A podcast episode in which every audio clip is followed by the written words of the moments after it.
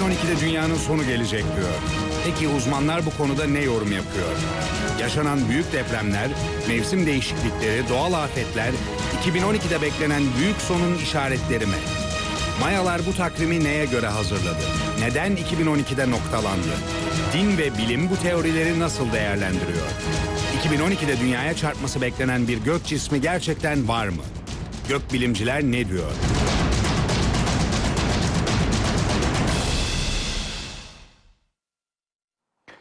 Yıl 2012, Eylül ayı. Bundan 153 yıl önce meydana gelen güneş fırtınasının bir benzeri Kuzey Amerika ve Avrupa'yı vuracak. Televizyon, radyo yayınları tamamen kesilecek, elektrik sistemi tamamen devre dışı kalacak, cep telefonu şebekeleri çökecek, sular kesilecek, GPS sistemi çalışmayacak. Tüm bunların onarılması 20 yıl kadar sürecek, bir yeniden inşa sürecini doğuracak. Bu süreçte 100 bin Avrupalı ve Amerikalı hayatını kaybedecek, elektrik şebekelerine milyonlarca wattlık yüklenme olacak. Bu da birçok ülkede şebekenin tamamen erimesi anlamına geliyor. Yani bazı ülkelerde elektrik hatlarını tamamen yenilemek gerekecek. Elektrik olmayınca kanalizasyon ve su sistemleri de çökecek. Birkaç gün içinde musluklardan su akmamaya başlayacak. Üretim duracak, süpermarket rafları tamamen boşalacak. Tam bir kaos yaşanmaya başlanacak. Telefon, GPS sistemleri çalışmayacak.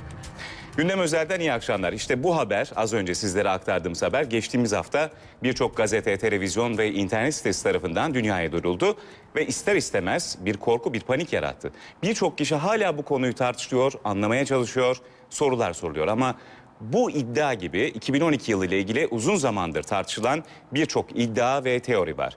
Bu akşam özelde kimilerinin bir son, dünyanın yok oluşu olarak, kimilerinin bir değişimi, büyük bir değişimi işaret ettiği 2012 tarihini, genelde ise kıyameti konuşacağız. Çok değerli uzmanlarla ve onlara soracağız. Bu iddiaların gerçekleşme olasılığı nedir? Bilimsel dayanağı var mı? Ve Kur'an-ı Kerim, İslam alimleri bu konuda ne diyor, ne düşünüyor? Çok değerli iki bilim adamı Habertürk stüdyolarında konuğumuz İstanbul Kültür Üniversitesi Fizik Bölümü öğretim üyesi Profesör Doktor Orhan Gölbaşı ve Gazete Habertürk yazarı Profesör Doktor Yaşar Nuri Öztürk. Hoş geldiniz efendim. Ee, gerçekten nethameli bir konu aslında ve e, birçok haber de var bu konuda. Konuşulacak çok konu var ama e, bilimsel temelli bir konuşma e, yapmak istiyoruz aslında bakarsanız bu akşam. Çünkü spekülasyondan mümkün olduğu kadar uzak durmak istiyoruz. E, bu nedenle sizler de konuk olduğunuz tekrar çok teşekkür ediyoruz geldiğiniz için. Şimdi hemen e, Sayın Gölbaşı ile başlayalım. Efendim şimdi Maya takvimi e, özellikle çok konuşuluyor ki bunların çıkış noktası da Maya takvimi. Çünkü Maya takvimi 2012'de sonlanıyor ya da yeni bir çağın başlangıcı diyor bazı yorumcular bu konuda. Neden hep 2012 ön plana çıkıyor ve Maya takviminden yola çıkarak 3 iddia var. Bir Marduk gezeni, gezegeni çok tartışılan dünyanın yakınından bir şekilde geçecek ve felaketlerinden olacak. İki e, dünyanın manyetik konumunun değişmesiyle ilgili olarak bazı şeyler olacak e, ve tufanlar olacak. Üç, foton kuşağı etkisi. Şimdi hemen soralım. Bu iddiaların bilimsel dayanağı var mı? Tabii ki bilimsel dayanağı var. Ama e, burada e, söylenmesi gereken şu, e, çok abartılı. Yani bilim kurgu özel bir alan. E, ben de birçok film izledim, birkaç kitapta okudum ama e, bu işin uzmanı olduğumu iddia etmiyorum. E, burada bilim kurgu e, film olarak, e, kitap olarak e, dünyada çok izlenen bir alan. Bu açıdan herkesin bilim kurgu kitabını okuması lazım, filmlerini izlemesi lazım. Bu doğru ama e, çok abartılı. Ben bunu bir örnekle, çok yakın bir örnekle vermek istiyorum. Şu anda vizyonda bir film var.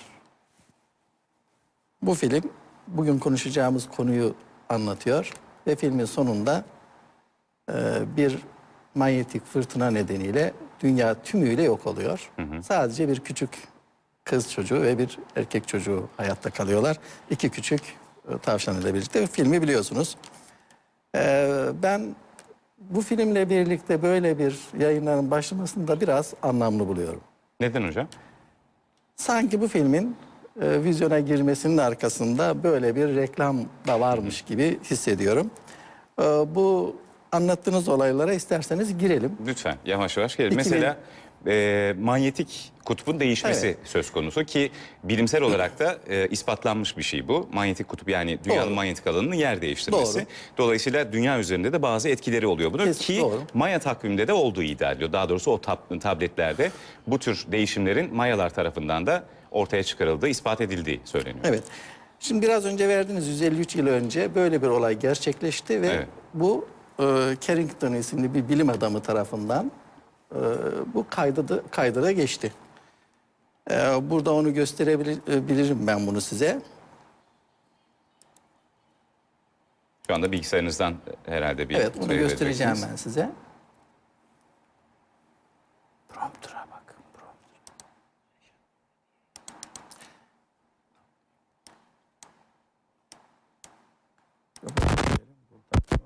Görebiliyor musunuz hocam şu anda? Evet, bir açabilirseniz.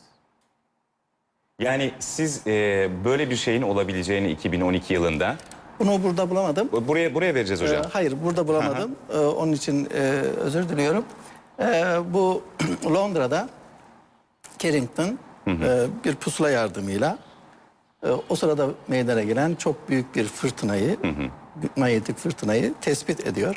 Ama onun tespitlerine göre 110 nano Tesla. Yani 10 üzeri eksi 9'a çarpın 110'u. Çok küçük bir manyetik değişim var. Ve kutup da 0.2 derece kadar değişiyor gerçekten. Ee, şimdi o zaman tabii 1859'da e, telgraf da yok. E, telgraf var sadece, elektrik yok, hiçbir şey yok. E, cep telefonu yok, GPS yok. Bunun ne kadar bir etki e, etkili olduğunu bilmemiz e, tabii ki mümkün değil. Ama daha sonra birçok olay oldu. Bunu kanıtlayan olaylar oldu. Eğer bunu verebilirsek o zaman 4 Ağustos 1972'de elektronik haberleşmeler bir güneş fırtınasından gene etkilendi. En önemlisi 13 Mart 1989'da Kanada'da, Quebec'te bazı trafolar yandı. Gerçekten aşırı yüklenmeden, elektrik yüklenmesinden yandı ve e, 6 milyon kişi 9 saat elektriksiz kaldı.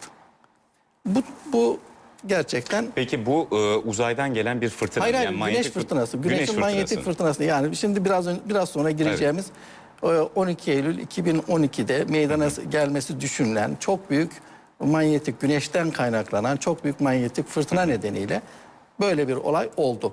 E, Gerçekten bu bilimsel bir olay. E, Gene Aralık 2005'te 10 dakika süreyle GPS uyduları bu e, yaklaşık olarak 31 tane uydu var şu anda. Ve e, dünya yörüngesinde dolanıyorlar bunlar.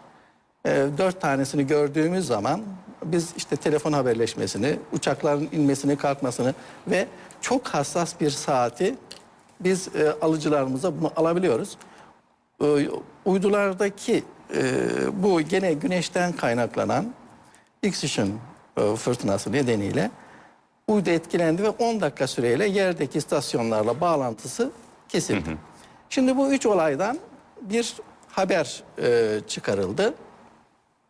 Ama e, burada asıl e, ben isterseniz e, madem Elinizde görüntüler de var bu zannediyorum hocam. görüntüleri vererek Evet. Bu işin bilimsel biz güneşi baz alarak e, biraz biz bilimsel bir felaket senaryosunu verelim. Yani böyle bir felaket senaryosu sizde hazır var. Var. Nedir hocam bu Şimdi senaryo? bunu verelim Lütfen. şimdi. Şimdi bir bir yıldızı izleyerek yıldızların yaşamını öğrenmemiz mümkün değil. Kabul edersiniz ki güneşimiz 10 milyar yıl yaşayacak. E burada bizim ömrümüz bunu bir yıldız izleyerek yetmez. E, burada biraz da halkın, izleyenlerin anlayacağı bir dille vermek istersek birçok yıldızın çeşitli zamanlardaki yaşam biçimlerine bakarak bir astrofizikte bir model geliştirilmiş durumda. Buna iki bilim adamı Hertzsprung Russell'ın bir diyagramıyla biz yıldızların nerede olduğunu, yaşamlarının hangi evresinde olduğunu açıklayabiliyoruz. Aslında bu biraz karanlıkta kaldı ama e, bu diyagramda şu parlak kısım ana kol diye adlandırılan bir kısım. Kısaca şöyle söyleyebiliriz. Ee, bizim güneşimiz şu anda ana kolda ve yerini de size göstereyim. Şu 1 ile şu 5'i birleştirirseniz şurada da G'yi birleştirirseniz güneş yaklaşık olarak şurada duruyor. Evet. Burada güneşin sıcaklığını da görüyorsunuz. Bu aslında bir sıcaklık diyagramı. Bakın burada 3000'den 30 bine kadar sıcaklığı olan yıldızlar görülüyor. Bu tarafa doğru gittikçe yıldızlar sıcaklaşıyor. Güneşin sıcaklığı, yüzey sıcaklığı 6000 derece Kelvin kadar. Onu da burada görebiliyoruz. Şimdi bu ana kol önemli. Ana kolda yıldız burası bekleme odası gibi ve %90 ömrünü burada geçiriyor. Bu, bu sırada hidrojenini yakıyor en basit elementini yakıyor. Ee, burada hidrojeni yaktıktan sonra helyum ve demire kadar gidiyor. Şimdi burada ben hemen geçeyim. Güneşin yaşam çizgisine şimdi bundan sonra geçeyim. Başlangıçta bir doğumu var. Güneş için diyelim ki bu bir güneş kütlesi kadar yıldızlar arası gaz tozu alıyor ve kütle çekim nedeniyle bunu alıyor ve hidrostatik bir dengeye geliyor. Bu denge hali yani kararlı hali uzun bir süre sürüyor. Şu anda güneş şu an diye yazan yerde 4,5 milyar yıl yaşında. Ne Buradaki, kadarlık ömrü kaldı bilimsel e, olarak Şuraya bir baktığınızda? bakarsak e, 10 milyar kadar bir ömrü var. Ama bizim için kıyamet 10 milyar yani 4 5,5 milyar yıl sonra bizim için kıyamet kopuyor. Neden kopuyor? Şimdi burada helyumdan sonra ağır elementlere doğru e, gidecek. Burada kademeli olarak güneş ısınıyor ve büyüyor. Ve 5,5 milyar yıl sonra güneş şurada, buradaki yalnız bu büyüklükler burada yazıyor zaten ölçekli değildir. Çok büyüyor. Yani şöyle söyleyeyim. Kırmızı dev olduğu zaman Merkür ve Venüs'ü içine alacak Evet. kadar büyüyor. Bu arada dünya biraz uzaklaşıyor güneşten. Fakat dünyada da artık bir hayat kalmıyor. Okyanuslar tamamen yok oluyor. Atmosfer tamamen yok oluyor. İşte bizim için kıyamet Ama bu. 5 milyar yıl sonra 5 yaşanacak milyar şey yıl diyorsunuz. sonra. Peki 12 Eylül 2012 tarihi için ne diyorsunuz? Oraya geleceğim. e, Şunu o zaman bitireyim. e, Sayın Sayın Öztürk'e de ben bir dönmek istiyorum. Tabii Hemen ki. ona da söz vereyim. E, Sayın Öztürk sizin de Küresel Afetler kitabınızda siz de kıyametten söz ediyorsunuz. Peki 2012 tarihiyle ilgili dini e, yayınlarda veya Kur'an-ı Kerim'de tarih işaret ediliyor mu? Böyle bir tarih veriliyor mu? E, daha sonra detaylandıracağız zaten. Hayır. Yani tarih işaret edilmiyor herhalde. Kur'an-ı? Kerim'de hiçbir tarih verilmiyor. Bir defa Kur'an-ı Kerim'deki kıyamet kavramı sade bu değil. Yani ben de tabii bunu merakla izliyorum, dinliyorum. Çünkü hiç bu tarafını ben hiç bilmiyorum bunun. Ee, çok heyecanla dinliyorum neler gelecek diye. Kur'an-ı Kerim'de kıyamet daha doğrusu kutsal metinlerde, Kur'an-ı Kerim'de ve e, Peygamberimizin söylemlerinde e, üç anlamda kullanılıyor. Bunlardan bir tanesi evrenin uğrayacağı tırnak içinde değişiklik veya çöküş ne derseniz onu e, hocam ifade eder. O işin e, teknik e, bilimsel tarafı. E, şimdi anlatılan bu işte. Bu bu anlatımların benzerleri tabii Kur'an kendi üslubu, kendi lügatı içinde benzer tablolar çiziyor bize. Yıldızların dağılması, okyanusların kaynaması, yok olması, e, Atmosfer. gökün yarılması, atmosferin yok olması. İkinci anlamda kıyamet yalnız dünyanın kıyameti. Evrenin değil.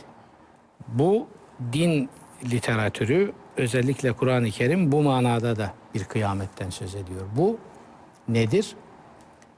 Bu işte eee, daha çok ben kitabımda onu da aldım. Bu Hawking'in eee, dünyanın doğal dengelerin bozulması ve uzayın kirlenmesi, atmosferin zehirlenmesi, buzulların erimesi filanla yani bizim küresel afetler dediğimiz afetlerle dünyanın maruz kalacağı akıbet. Kur'an-ı Kerim bu nokta üzerinde çok duruyor. Bu dünya üzerinde olacak bir hadisedir. Çünkü gayet açık ifadeyle Kur'an diyor ki o kıyametten bahsederken o gün yeryüzü bir başka yeryüzüne tebdil edilecektir. Aynen bu tebdil kelimesini kul- Yani bir kullanmış. değişim bir değişim. değişim geçirir. Evet. Üçüncü bir kıyamet var ki o bugünkü konumuz içinde değil. O sosyolojik kıyamet dediğim, benim öyle ifade ettiğim toplumların çöküşüdür. Kur'an-ı Kerim ondan da çok bahsediyor. Orada da e, amaçlanan şudur. Eğer toplum doğal dengeleri ve özellikle ahlak dengelerini alt üst ederse. Mesela zulüm diyor egemen olursa toplum çöker. Ne, ne olur çöker de biz o toplumun altını üstüne getiririz diyor. Çünkü orada artık e, insanca bir hayat mümkün olmaktan çıkar. Bu sosyolojik bir hadisedir. Mesela böyle bir zaman geldiğinde biz servet ve refahı elinde tutar, tutanların şımarması yüzünden toplumu helak ederiz diyor. Bu çeşitli ihtilallerle olabilir. Çeşitli toplumsal çöküşlerle olabilir. Mesela İbn Haldun bu manada bir kıyamet üzerinde e, çok durmuştur tarih felsefecisi olarak. Ve toplumları bazı bir var. organik mekanizma gibi algılıyor. Doğarlar, gelişirler, büyürler, sonra durgunluk, sonra çöküş sürecine girerler ve çökerler. Bu belli şartlar e, muvaciyesinde Evet. olur. Bu da bir kıyamettir. Mesela Peygamberimizin bir sözü diyor ki iş ve emanetler ehil olmayanlara verildiğinde kıyametin kopmasını bekle. Buradaki kıyamet hocamın bahsettiği evrensel Kıyamet kıyamet, değil, değildir. toplumsal kıyamet. Ve dünyanın kıyameti filan da değildir. Hawking'in bahsettiği de değildir. Nedir bu? Toplumun çöküşü. Evet. Çünkü siz bir ilke getirmiş, bir varlık kanunu veya bir varoluş ilkesi. Ne diyor yaratıcı? Her işi o işe ehil olan adama te- teslim edeceksiniz. Bu Kur'an'ın ifadesidir. Yaratıcı size iş ve emanetleri onlara ehil olanlara, layık olanlara teslim etmeyi emreder. Peygamberimiz de bu ayeti açıklarken diyor ki, bunun tersi yapılırsa toplum çöker, kıyamet kopar. Yani toplum çöker. Evet. Bu toplumsal kıyamettir. Mesela siz ehliyetler yerine dindarlığı esas alır. Türkiye yaşıyor bunu, yaş- yaşıyor. Dindar Cumhurbaşkanı, dindar müsteşar, dindar bakan, dindar müdür, dindar e, efendim e, profesör, dindar hatta dindar şoför, dindar ziraatçı ehil değil ama böyle bir kıstas getirdiğinizi düşünün. İnsanların bakacaksınız ne kadar dindar, Aa, bunu filan mevkiye getirin. Ne kadar dindar, bunu da filan yere getirin. Peki orayı nasıl dolduracak ehliyet yoksa? Şimdi eğer dindarlığı İslam'a göre alacaksak, işleri ve emanetleri ehil olmayanlara verdiğiniz zaman Kur'an buna dindarlık değil, dinsizlik diyor. Bu bir çöküştür. Evet. Şimdi bu da bir kıyamet. Evet. Toplumsal kıyamet manzara. olarak bu, bunu alabilir. bu da sosyolojik Peki, veya toplumsal kıyamettir. Ee, Ama bugün bizim burada Evet, Kur'an-ı konuşacağımız Kerim ne diyor hocam? Dünyasal. Şimdi o zaman e, ilk ikisini alalım. Bir, evrenin kıyameti. iki e, dünyanın kıyametini Dünyanın, alalım. evet. Dünyanın Yer kıyametiyle ilgili, Yer yer kürenin kıyameti, evet, evet. yer kürenin kıyametiyle ilgili Kur'an-ı Kerim ne diyor? Yani Yer bu konuda alametler neler en Evet, azından? Şu tabii. anda yaşıyor muyuz bunları? Evet, kesinlikle. Ben onda e, hiçbir kuşkum yok. Zaten e, burada tabii ekranlar artık falcılıkla, hurufilikle dolduğu için çekiniyorum bunları söyledim. mi Oralara gidecek iş diye. İşte hocam zaten aslında bu programı onun için yapıyoruz. Yani Maalesef, bu spekülasyonlardan maalesef, sıyrılıp maalesef. hakikaten bilinmediğim bu konuda ne Yani diyor? Feci Nasıl bir- manzaralar izliyoruz maalesef. Şimdi e, Kur'an-ı Kerim yer kürenin kıyametinden gayet net şunu anlar. Yer küre insan hayatı için yaşanır olmaktan çıkar. Ve mesela bunu ifade eden ayetlerden birinde ki altına Hawking'in imzasını atsanız kimse yadırgamaz. Diyor ki yer küre bitki üretmeyen yanmış kavrulmuş bir toprağa dönüşür. Göstergeler veya sonuç bu. Göstergeler neler? Atmosferin zehirlenmesi. Hocam demin büyük kıyamette atmosferin yok olması dedi. Ya- Yani artık demek ki hayatı besleyen o unsur yok oluyor. Burada yerkürenin kıyametinde Kur'an atmosferin zehirlenmesinden söz ediyor. Öyle bir hale gelir ki diyor insanlar bu azap ne zaman kalkacak bizim üstümüzden? Çünkü tahammül edilmez bir hale geliyor artık. Siz soluyorsunuz ve o size hayat verim- vermekten uzak kalıyor. Evet. Bir başka gösterge veriyor. Kutupların Buzulların erimesi. erimesi. Kutupların basılması diyor. Orada kullandığı tabir noksanlık kelimesiyle aynı köktendir. Evet kutuplar basık zaten. Hayır, basık değil, azaltacağız diyor onları. Tamam. Yani Ve o azalacak. buzulların Evet, katmanların buzulların erimesi. erimesi. Tabii burada şimdi çok geniş onları e, verip vakti doldurmak istemiyorum. E, bu ve bu diyor insanoğlu için en büyük tehditlerden biridir. Ve bu kıyamet alametlerinden biri olarak veriliyor. Atmosferin zehirlenmesi bir başka şey daha var. Doğal dengelerin tahribi. Nedir doğal dengelerin tahribi? Tabiatın olmazsa olmaz dengeleri var. Evet. Bunların bozulması ve bir netice suyun, toprağın ve havanın zehirlenmesi. Şimdi orada bir ilginç tabir var Kur'an'da diyor ki rızkınız da gökten, tehditleriniz de gökten olacaktır. Rızkınız da gökten geliyor. Tehdit edildiğiniz şeyler, tehdit edileceğiniz şeyler de gökten Yani bu geliyor. manada o zaman Uzayın zehirlenmesi. uzayın zehirlenmesi Uzayın ve zehirlenmesi. belki de atmosferin e, kalınlığının azalması, manyetik değişimler Yani ve ozon güneş Tabii fırtınalarına Kur'an-ı Kerim maruz onu, onu, kalması. onu hocam yapacak. Kur'an-ı Kerim o teferruata girmiyor. Ya girmez çünkü Kur'an'ın işi değil o. Kur'an-ı Kerim e, ufuk çizgileri veriyor. Diyor ki toprak zehirlenecek, kuruyacak ve artık bitki üretir, canlıyı besler olmaktan çıkacak. Evet. Su öyle olacak. Atmosfer zehirlenecek, buzullar eriyecek. Tabii ileri doğru gittiğiniz zaman bir yer geliyor diyor ki okyanuslar kaynayacak. Hocam bu anlattıklarınızın hepsini yaşıyoruz. Ve- Evet tabii yaşıyoruz.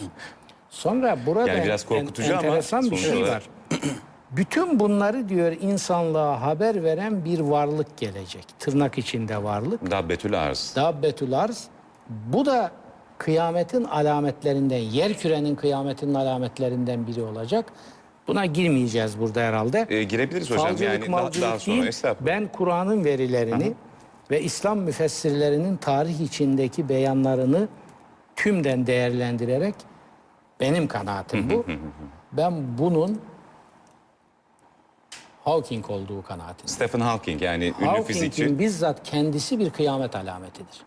Çünkü Kur'an-ı Kerim'in tanıttığı bu dabbetül arz ne hayvandır ne insandır. Hazreti ki- Ali'nin bir sözü var galiba. Var birçoklarının var. Bu en ileri derecede insani fikirleri ürettiği halde fiziksel olarak insani fonksiyonları sahip değil. Şu anda çok hasta zaten. Ve böyle bir varlık tanıtıyor. Yani okuduğunuzda gayet açık önünüze bu insan gelip oturuyor. Bir dahi. Fakat fiziksel manada insani fonksiyonların hemen hemen hiçbirini yerine getiremiyor. Böyle bir varlık tanıtıyor Dabbetül Ee, olarak Kur'an-ı Kerim. Stephen Hawking'in iddiası 2800 yılı mesela. Bin yıllık bir süreçten bahsediyor Gayet bildiğim tabii. kadarıyla Stephen Hawking. Hocam siz ne dersiniz Stephen Hawking'in Daha teorileri mantıklı. için? Yani dünyanın- dünya için. Dünya için. Dünya için. Dünya yaşanır olmaktan çıkacak, başka gezegenlerde çare aramaya başlayın. Başlayın diyor. Ben isterseniz burada Lütfen bu hocam, o- şeye devam evet, edeyim. tabloyu Bunu bitirelim. yansıtabiliriz.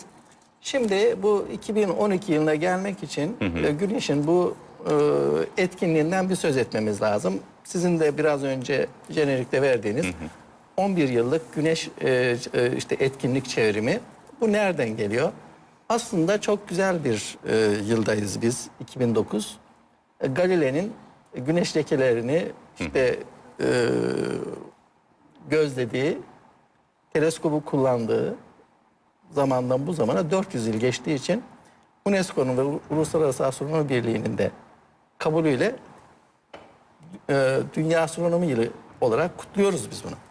Şimdi bakın burada 1760 yılından 2000 yılına kadar 2000 yani 2009 yılına kadar güneş lekelerinin aylık güneş lekeli sayısının e, yıllara göre dağılımı veriliyor. Buraya bir bakarsanız buradaki maksimumlar yaklaşık olarak 9 yılla 13 yıl arasında değişiyor. Şimdi 2008 yılında Güneş bir minimumdan geçti. Ve gerçekten de NASA'nın hani NASA haber verdi, 12 Evet. Eylül tarihini verdi dedi- dedikleri şey şu. Evet NASA e, burada Belçika'da bu güneşle işte e, güneş verilerinin toplandığı merkez ve Avrupa Uzay Ajansı birlikte tüm dünyadaki gözlem evlerindeki güneşteki gözlemlerinin biriktirilmesiyle bir tarih saptıyorlar. Bu tarih öyle bir gün olması mümkün değil. Biraz önce söylediğim gibi bu leke çevrimi 9 yılla 13 yıl arasında değişiyor bir kere. Maksimumda yaklaşık 4 yıl oluyor. 4 yıldan az da oluyor, 3,5 yıl. 4 yıldan birkaç ay fazla da olabiliyor. Ve gerçekten de 2012 yılı maksimumdan geçmesini beklediğimiz bir şey. Şimdi Yani 2012 yılında e, uza- e, uzaydan demeyelim, Güneş güneşten gelecek olacak. olan manyetik fırtına dünyayı bir şekilde vuracak. Evet. Yani Ama daha fazla hani olacak. Yani etkilerini şimdikinden- de soracağım size. Şimdi şöyle bir bakarsanız güneşin toplam ışıması diyelim burada. Ee, güneş lekeleri e, ve güneş parlamaları. Bakın bunların hepsi e, birbirleriyle bağlantılı. Yani biz buna sakin güneş diyoruz, etkin güneş Evet. diyoruz. Lekeler çok azsa sakin, çok fazlaysa parlamalar, e, güneşten uzaya madde atımı bunlar çok fazlaysa etkin güneş diyoruz. Güneşin maksimumdan geçtiği bir evre diyoruz. Bunlar hakikaten birbiriyle bağlantılı. Bu bir bilimsel bir gerçek. Bakın şurada da gördüğünüz gibi e, bir maksimumdan geçiyor bu. Şimdi bakın 400 yıllık güneş leke gözlemleri var. Gerçekten bunun iklime de bir etkisi var ve şu sırada da Türkiye'de de birkaç kişi olmakla birlikte e, bu güneş etkinliğinin iklime nasıl bir e, katkıda bulunduğu da araştırılıyor. Bakın 1650 ile e, 1700 yılları arasında bir Maunder minimumu var. Orada güneş çok sakin. Ve gerçekten de o dönemde güneş bir buzul çağına girmiş. Yani donmayan nehirler donmuş. Ee, oldu yani meteorolojik Dünyayı olarak etkiledi, söylersek mevsim normallerinin çok altında, Altında bir, bir dönem. şey olmuş. Şu anda ise e, bu değişiyor. Evet. Şimdi Şimdi gelelim güneşte madde atımı ve gerçekten çok güzel görüntüler var. Ben bunu izleyenlere de söylüyorum. Ee, bir e, Avrupa Uzay Ajansı ile NASA'nın birlikte e, yürüttükleri bir SOHO diye e, güneş e, gözlem evi diye e, bir uydu var ve bu uydu güneşi e, kronosfer tabaka, tabakasının taş küre tabakasını kapatarak yani e, suni bir e, güneş tutulması yaparak e, bu etkinliği inceliyor ve çok Evet. güzel görüntüler var. Biraz sonra göreceğiz. Bakın bu şekilde Bu bir güneş patlaması gibi, değil mi hocam? Bu bir patlama ama bakın güneşin yarıçapı 700 bin kilometre. Bu fırlattığı şeye bir bakarsanız 700 bin kilometreden daha fazla görünen kısım. Ve orada da bir e, küçük bir bilya görüyorsunuz. Evet, o da dünyanın dünya kendisi. kendisi. Bir boyutlarını anlamak için bu çok güzel bir görüntü. Şimdi bakın burada nasıl bir bakın bu manyetik alanı e, güneşte manyetik alan nasıl oluşuyor böyle bu dönme nedeniyle e, burada bir manyetik alan oluşmasını canlandıran bir Evet. biraz şeyler büyük olduğu için e, evet burada da Şimdi bu patlamalar hocam e, Bakın. manyetik ışın, ışınımlar yayıyor. Evet. Ve bunlar manyetik belli bir sü- plazmayı Evet, bir güneş süre sonra plazma- bunlar dünyaya ulaşıyor. Tabii. Bakın işte burada gördüğünüz gibi. Bu nasıl olduğunu buradan Evet. daha iyi anlıyoruz. Burada bir plazma fırlattı. Dünyanın manyetosfer yani kalkanına geldi. Kalkan yeterli olmadı. Çünkü çok büyük Evet. bir fırtına.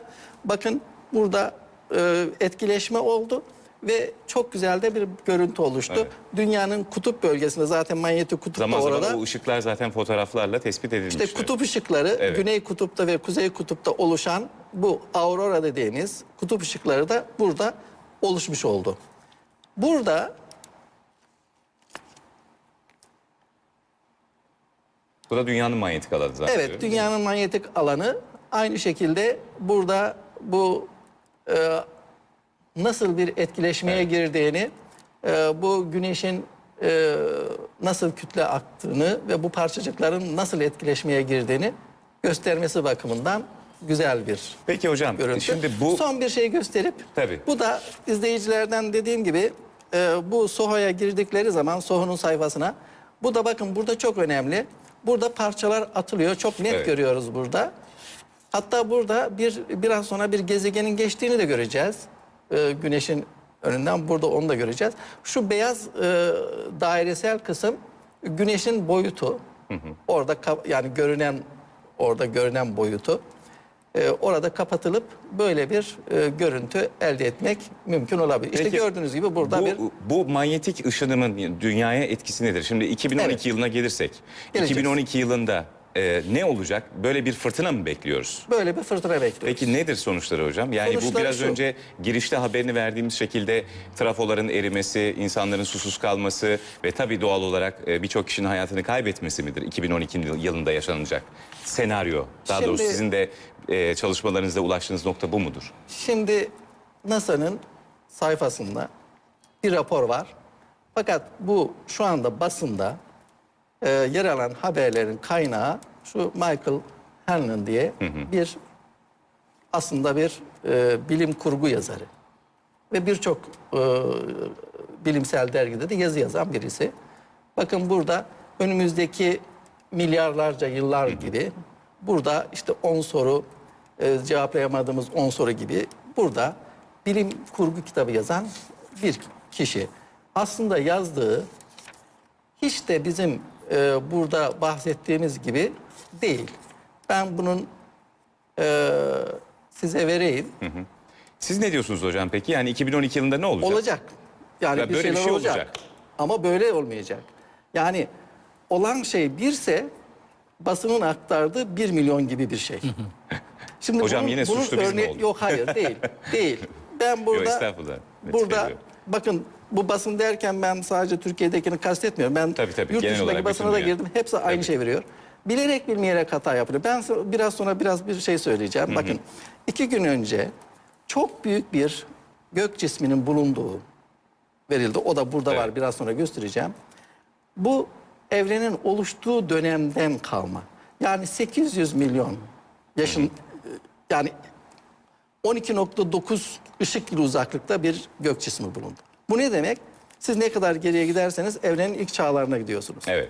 Şimdi evren 13.7 yıl 7 milyar kabul edildiğine göre biz evrenin 800 milyon yaşındaki yani çocukkenki bile Evet. yani bebeklik haline bakıyoruz. Şimdi burada bütün basında Türkiye'de ve dünyada bütün basında şöyle bir şey çıktı. Bunun boyutları 55 milyon ışık yılı. Şimdi bakın Samanyolu galaksisinin boyutu 130 bin ışık yılı. Bu ise bu gök cisminin boyutu 55 milyon. Ben baktım orijinaline 55 bin diyor. Ve orada da bir açıklama yapmış. Diyor ki güneş yarıçapına çok yak yani e, Samanyolu'nun e, ya- yarıçapına o, oldukça yakın bir değer diyor. Bilmeyerek belki bir hata ama bin kez, bin, bin kat büyütmüş bunu. Bir ışık yılı 10 trilyon e, kilometre olduğuna göre bunu da binde çarparsanız bu boyut ne kadar büyür anlaşılır. Biraz önce bahsettiğim Michael Hanlon e, burada çok güzel bir yazı yazmış ve bilimsel olarak reddedemeyeceğimiz bir yazı yazmış. Ve burada sizin biraz önce verdiğiniz şeyleri vermiş. 53 yıl önce e, bu Kennington olayı olarak verilen Londra'da gerçekleşen olayı vermiş. Ve daha sonra 2012'de olacak olayı verirken 90 saniye sonra ışıkların kesileceğini, Tabii gökyüzündeki ışıklar değil diyor. Onlar sabaha kadar diyor ışıldayacak diyor. Yeryüzündeki şehir ışıkları kesilecek. Bir saat içinde Britanya'nın büyük bölümü elektriksiz kalacak. Gece yarısıyla birlikte cep telefonu ağları kesilmiş olacak. İnternet duruyor. Televizyon yok. Radyo zaten bir gürültü e, halinde olacak. Ertesi gün öğle vakti felaketin yaşandığı kuşku götürmez oluyor. Uygar dü- dünya kaosa sürükleniyor. Sizin biraz önce söylediğiniz şeylerin tamamı ve burada NASA'dan da alıntılar var. Bunun gerçek nedeni nedir diye de çok güzel bilimsel bir açıklamasını veriyor ve bunun güneş fırtınaları normalde normalde pek farkındalık yaratacak olaylar değildir. Güneşten yüksek hıza gelen elektrik yüklü atom altı parçacık kümeleri yer çevresinde dönen dönem dönem fazla miktarda bulunur diyor ve sonra da bu taş küreden madde atımlarından bahsediyor. En son olayında 1900 1859'da gerçekleştiğini söylüyor. Biraz önce de söylemiştim. Daha sonrakileri de oldu. Şimdi eee, burada daha devam edersek en sonuna gelirken 20 yıl önce Kanada'daki olaydan bahsediyor. Evet. Bu da doğru gerçekten. Güneş şimdi, şimdi sakin durumdadır fakat güneş maksimumu, etkin maksimumu evre 2012 olarak görülüyor. Ve o zaman bir kasırga olacağını ve Evet yani trafoların- 2012'de bir şey olacak, Olacak. ama abartıldığı kadar Değil. e, bir şey olmayacak. Ve burada zaten- Peki Mayaların bunu bilmiş olması e, biraz tesadüf Onu ama biz biliyoruz. Mayaların mayalarda şimdi onu 2000 söyleyeceğim son olarak. Şimdi diyor ki tabii ki bu felaket 2012'de olmayabilir. Zaten kendisi de bunu söylüyor. Bir sonraki güneş maksimumunun beklendiği 2023 yılında da ola- olmayabilir. Ama er ya da geç Carrington olayının bir tekrarının olması kaçınılmazdır. En iyisi biz şimdiden biraz mum biriktirelim diyor. Çok güzel bir yazı. Ama biz bunu burada bıraktığımız zaman ayrı NASA NASA e, kıyamet tarihini verdi. Bakın NASA kıyamet tarihini verdi demek ayrı bir şey. ayrı bir şey. Peki hocam e, şimdi Marduk gezegeni diye bir gezegenden de bahsediliyor sürekli. Marduk gezegeni gelecek, dünyanın yanından geçecek, büyük felaketlere yol açacak gibi bazı teoriler de var. Evet. Böyle bir şeyi görmemek mümkün mü? Yani Marduk gezegeni geldi de dünyanın yayına ki e, şurada 4 yıllık bir zamandan bahsediyoruz. 3 yıllık bir zamandan bahsediyoruz. Herhangi bir teleskopla tespit edilmemesi mümkün mü böyle bir şey mi? Mümkün. Yoksa NASA biliyor da saklıyor mu? Hani bu tür teoriler var çünkü biliyorsunuz. NASA saklıyor, gördü aslında da dünyaya çarpacak ya da dünyanın yayından geçecek. Böyle bir gezegeni görmemek mümkün mü? Veya bir gök cismini diyelim. Mümkün. Mümkün mü? Mümkün. Şimdi bakın e, ben Marduk gelecek dertler bitecek mi diye bir yazı yazdım. Bilim Evet. ve Teknik dergisinde yayınlandı. Bu burada şu anda ekranda. Bu söylediğiniz şeylerin tamamı orada gündemde. Bilim adamları şu anda hiçbir şeyi gizlemiyorlar. Gizlemelerine gerek yok. Ben bir şey bul- bulsam sabahı beklemeden bunu ilan ediyorum ki bir başkası bulmadan ben bunun Ben buldum sahibi olayım diye. Bunun gizlenecek hiçbir mantıklı açıklaması yok. Eskiden bu olabilirdi çünkü gerçekten e, haberleşme yok, bulduğunuzu saklıyorsunuz filan. Ama bu mümkün değil. Fakat görülmemesi mümkün. Bakın çok basit bir örnek vereyim. 1930 yılında Plüto gezegeni keşfedildi. Plüto bizim güneş sistemimizde bulunan, şu anda da gezegen olmaktan çıkarılan, cüce gezegen sayılan bir gezegen. Ama 1930 yılında bulundu. Ve bunu bulmak için çok kişi uğraştı. Hatta bir Percival Lowell, şimdi bu Plüton'un baş harflerini de ondan dolayı verildiler. Bir gözlem evi kurdu ve o gözlem evi bu gök cismini buldu. Binlerce yıldız arasından buldu bunu. Ve sonra 1976 ya da 74 yılında sanıyorum bunun bir uydusu olduğu ortaya çıktı. Bakın 30 yılından 74 yılına kadar o uyduyu Plüto gezegeni sürekli gözlendiği halde kimse bulamadı. Tesadüfen gene burada bir e, fotoğraftaki bir armutlaşmadan dolayı bu armutlaşma nedir diye araştırılınca uydusu olduğu ortaya çıktı. Şimdi bir bir sene falan önce de bunun iki tane daha küçük uydusu olduğu ortaya çıktı. Yani göründüğü kadarıyla kolay bir iş değil bir gök cismini bulmak. Ancak ben de yazımda bunu söyledim. Dedim ki 2012, 2004 yılında ben de bunu söyledim. Yani 2012 yılında çarpacak olan 23 Aralık'ta 23 Aralık 2012'de gelip de dünyaya çarpacak olan bu gök cismi neden görülmüyor, Görülmüyor, diye evet. söylemiştim. Buna da tabii görülmeyebilir ama gene de onu da söyleyeyim. O zaman böyle bir risk var. Yani sen Marduk olması şart değil. Başka bir gök cismi de 4000 olabilir. tane risk var. Şu anda bakın burada NASA'nın bir projesinde bakın bunu açabilirim, bunu gösterebiliriz e, şeye ekrana gösterebiliriz. 4000 tane dünyaya çarpma riski olan gezegen var. Şimdi anlayacaksınız ama burada ben hep şunu söylüyorum. Yani basın suçlu değil ama basının mutlaka bir bilimsel danışmanı olması lazım. Şimdi gene burada böyle bir gök cisminin çarpacağına ilişkin bir yüzde verildi.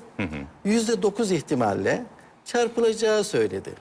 Yüzde dokuz çok büyük bir Çok ihtimal. büyük bir, onu soracaktım. hocam. Ama bu ihtimal gerçekte burada var.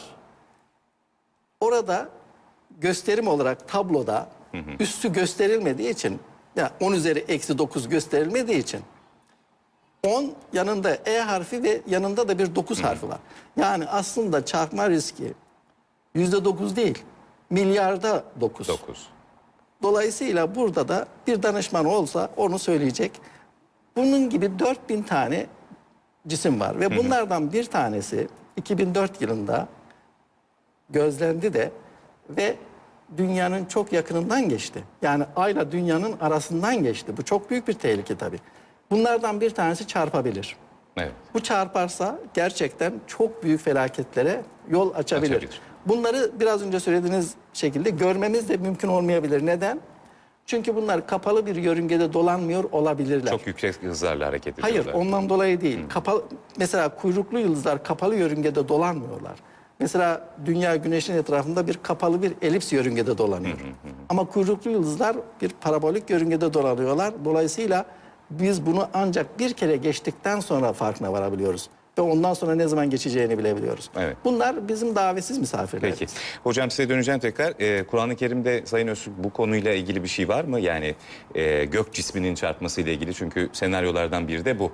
Bir gök cismi gelip Hayır, çarpacak bu, şeklinde. e, bu şekilde gök cismi gelip çarpacak diye e, Kur'an-ı Kerim'de bir şey e, yok. E, yalnız e, gökten e,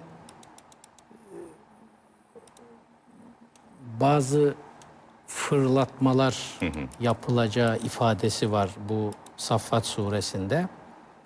E, ama bu manada alınır mı alınmaz mı o? Şimdi ben burayı hiç bilmediğim için Evet. Sadece böyle e, hayranlıkla dinliyorum.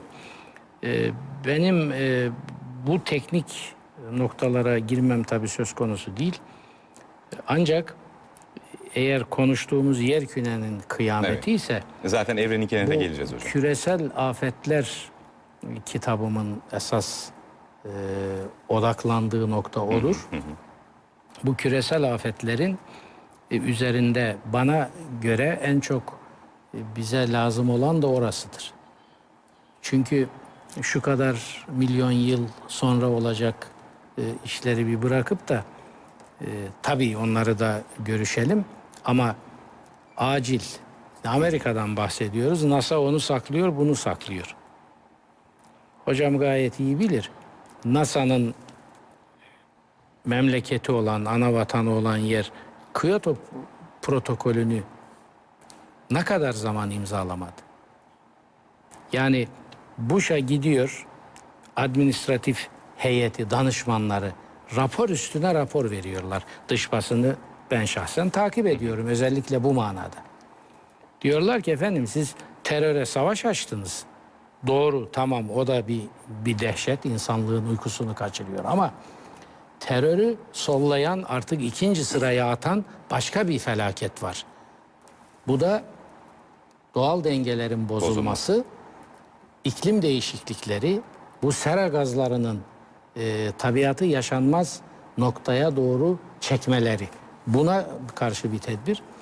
Talimatlarla İngiltere'de ve Amerika'da bunların üstüne yatıldı. Bu raporlar uzun zaman açıklanmadı. Ne diyor gerekçe olarak? Bizim ekonomik planlarımızı ve ekonomide beklediğimiz rentabiliteyi düşürür. Biz bunu imzalayamayız diyor. Yani doğal dengeleri korumak adına biz planladığımız esas aldığımız ekonomik gelişmeyi ki teknolojik gelişmeye bağlı. Şimdi burada hemen bir şey daha söyleyeyim. Bazıları ya, ya ne olacak yani e, tövbe haşa eski bir kitap ondan başka ne beklenir diyebilir. Ben hiç o kanaatte değilim. Kur'an'ın en büyük mucizelerinden biri bana göre. Kur'an-ı Kerim teknolojiyi özellikle yanlış kullanılmış bir teknolojiyi ki bunun mürevviçlerinin yani esas öncülerinin de Hristiyan ve Yahudi kitleler olduğunu söylüyor Kur'an-ı Kerim. İnsan hayatını cehenneme çevireceğini söylüyor.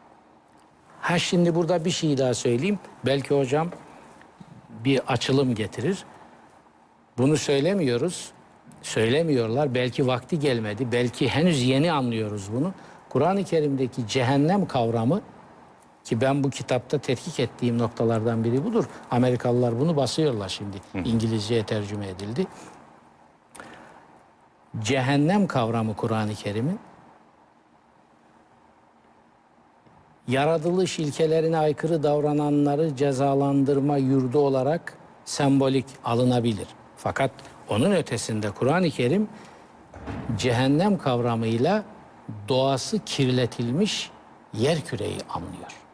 Yani cehennem dediğiniz zaman Kur'an-ı Kerim'de o cehennem tasvirleri ve bütün bağlamlarıyla düşündüğünüzde cehennem yaşanmaz hale getirilmiş suyu, toprağı ve uzayı, atmosferi kirletilmiş, zehirlenmiş dünya demek. Cennet de bunun tersi. Cennet tasvirleri de ki zaten cennetin kelime anlamı da yeşil doğal dengeleri yerinde, suları, Suları yiyeceği, güzelliği, yeşilliği yerinde bahçeler ve toprak parçaları demektir. Cennette doğal dengeleri bozulmamış, toprak parçası ve yer küre demek. Şimdi bunları da koyacaksınız. Ve şunu biz Kur'an-ı Kerim'den rahat çıkarıyoruz. Cehennemi insanlar dünyanın kıyameti vücut bulduğunda unutmasınlar ki cehennem burada kurulacaktır. Ve o cehennem doğal dengeleri bozulmuş, yaşanmaz hale gelmiş bu dünyanın ta kendisi olacaktır. Bunu ifade ederken Kur'an-ı Kerim o gün yeryüzü bulunduğu halden başka bir hale dönüştürülecek diyor. Bak kendisi söylüyor. Burada olacak ne olacaksa. Dünyada olacak. Heh, Ve biz Yer kürede. ve biz cehennemi bunu espri olarak söyleriz. Cehennem burada başlar. Dünyada cehennem başlar. İşte sen esas burayı cehenneme çevirme. Bu espri falan değil. Bu Kur'an'ın temel gerçeklerinden biridir. Yani cehennemi biz kendi elimizle burada inşa ettik. Şimdi şöyle bir şey düşünüyor insanoğlu. Dinlerin, kutsal metinlerin sembolik dilini çözmeden. Poltilik diyor. Bu sembolik dil çözülüp bilim diline aktarılmadan dinlerin esas bize vermek istediklerini bizim anlamamız mümkün değil. Evet. O zaman şalvara, sakala, Arap fistanına filan böyle dini hapsedersin orada kalır gider. Öyle değil o. Bu sembolik ifadeleri çözdüğünüz zaman siz günah kavramını mesela çözüyorsunuz. Günahın esası ne? Günahın esası varlığı yaratan olarak kimi kabul ediyorsanız edin. Varlığın dengelerinin bozulması, bu denge bozulmasında insanın rol almasıdır. Mesela peygamberimizin ifadelerine bakıyoruz. Lanetlediği tek kötülük var. Bakın ikincisi yok. Ne diyor biliyor musunuz? Yeryüzünün kullandığı kelimeler de çok ilginçtir. Tuhum kelimesini kullanmıştır Arapça orijinal metinde. Olmazsa olmaz demektir. Yeryüzünün olmazsa olmaz dengelerini bozanlara Allah lanet etsin diyor. Hazreti Muhammed'in bunun dışında herhangi bir günah için, herhangi bir kişi için lanet okuduğu vaki değil. Ve bir yerde de diyor ki tabiat kendi kirliliklerini, noksanlarını kendi tamir eder. Çok enteresandır. Yeryüzünün, yeryüzünün bir kısmı bir kısmını temizler. Hadisteki ifadeler budur. Ama bir yer geliyor ki insanoğlu artık o temizliği tabiatın yapmasını Yapması, evet. e, mümkün olmaktan çıkarıyor. İşte belasını da o zaman buluyor. Cehennem dediğimizde o zaman başlıyor. Yani şunu insanımız bilsin. Cehennemi biz burada inşa ediyoruz. Günahı olanlar cehenneme gider. Allah böyle bir sadist zevk peşinde filan değil. Allah ilkeleri koymuş. Günahı olanlar cehenneme o günahlarla kendileri inşa ediyorlar. Nerede inşa ediyor? Bu günahlarla dengelerini bozduğu dünyada. Şimdi bir de Kur'an-ı Kerim'e özellikle böyle bakalım. Yani biz hiç böyle bakmadık Kur'an-ı Kerim'e. Sadece öbür tarafa havale ettik. Öbür tarafa havale ettik. Ne havale ediyorsun? Bakın. Kur'an-ı Kerim'in cenneti ve cehenneminin nihayet bizim elimizin ürünleri olarak burada kurulacağını ve kabağın burada başımıza patlayacağını bilelim. Elinin ürünleri dedim. Bu da Kur'an'ın bir ifadesidir. Ne diyor biliyor musunuz? Bu e, Ru- Rum suresinin bir ayeti. Karada ve denizde ber ve bahr kelimelerini kullanmıştır. Karada ve denizde bütün yozlaşmalar, bozukluklar, kullandığı kelime fesattır. Bu manaların hepsini ifade eder. İnsan elinin ürettikleri yüzündedir. Bima kesevet eydin nas. İnsanların ellerinin ürettikleri yüzünden. Şu Kur'an'daki günah kavramını dünyada olup bitenleri, şu doğal dengelerin bozulmasını, kutuplardaki değişmeleri, atmosferin zehirlenmesini ki Kur'an hepsine temas ediyor. Bunları bir daha dikkate alarak şu günah kavramını bir daha gözden geçirelim. Öyle gidip gelip onun bunun efendim içtiği iki kadeh rakıya filan sakal tıraş olmasına filan bu artık bu, bu bitti bu. Bu- Böyle bir din yok. Din hangisi? İşte bunlar. Cenab-ı Hak diyor ki ben size işte Adem babamızın cennetten geldiği. Ne, nerede cennetten gelmiş? Yeryüzü cennetti işte. Bütün doğal dengeleri yerinde o cennet dediği o. Şimdi onu biz peygamber çocukları olarak tarif edilmemize rağmen yozlaştıra yozlaştıra boza boza boza Hawking'in dediği asit yağmurlarının ve zehirin istila ettiği yaşanmaz bir cehenneme çevirdik. İşte oraya doğru gidiyoruz. Ve mesela kutsal metinler canlıların insanoğlundan şikayetinden bahseder. Günah dediğiniz şey bunu bunu kimse karıştırıyor mu? Bunu karıştırıyor mu kimse? Canlıların derken hocam biraz açabilir miyiz? Bütün canlıların. İnsan hariç. Bizim dışımızdaki Tabii canlı bütün kavramından e, kutsal metinlerin anladığı bitkiler de bitkileri Evet, de ihtiva eder. Bütün canlılar insanoğlundan şikayetçi. Ben Küresel Afetler kitabında e, insanoğlunun e, insanoğlu sanık sandalyesinde diye bir bölüm var kitapta. Bunu burada veriyorum kutsal metinlerden hareketle. Çünkü suyu çekilmez yaptınız. Sudaki canlılar sizden şikayetçi. Yani insanoğlu dünyayı kendine cehennem ettiği gibi diğer bütün canlılar için de cehennem haline getirdi. Şimdi insanoğlu bütün canlıların sanık sandalyesine oturttukları bir varlık. Nihayet insanoğlu kendinden de artık şikayete başladı. Bu Kyoto protokolleri. En çok bu katliamını yapan E, evet, insan. gayet tabii. Gayet tabii. Yani şu anda Hocam şimdi çok özür İki kelime daha Lütfen, söyleyeyim. buyurun. Ve bütün bunları değerlendirdikten sonra Kur'an-ı Kerim bir sonuca varıyor. Diyor ki insanoğlunun kredi dönemi bitti. Hesap dönemi başladı. Ama diyor o hala şaşkın kendi saplantıları içinde işin hiç farkında değil eğlenip oyalanmaya devam ediyor diyor. Gelinen nokta bu.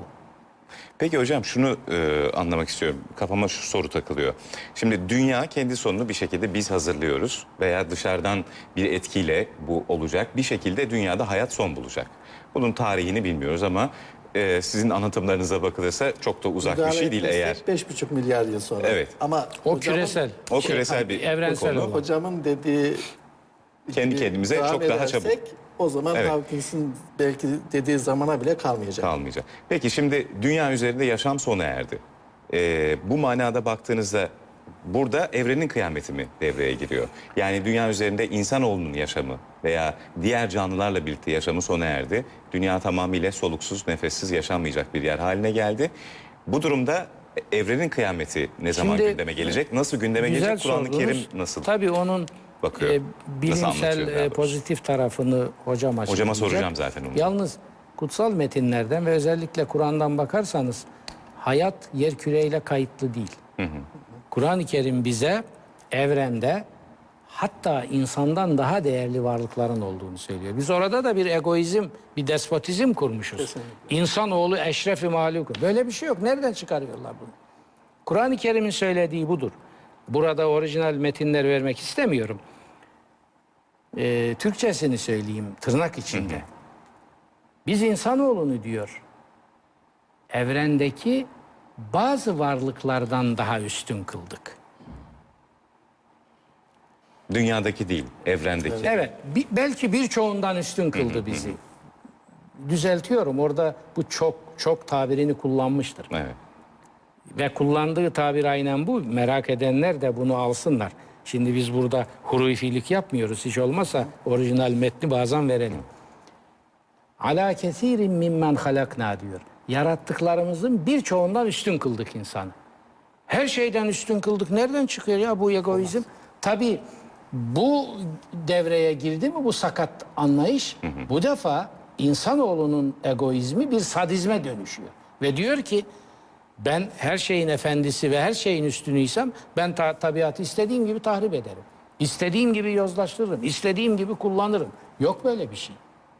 Kullanamazsınız.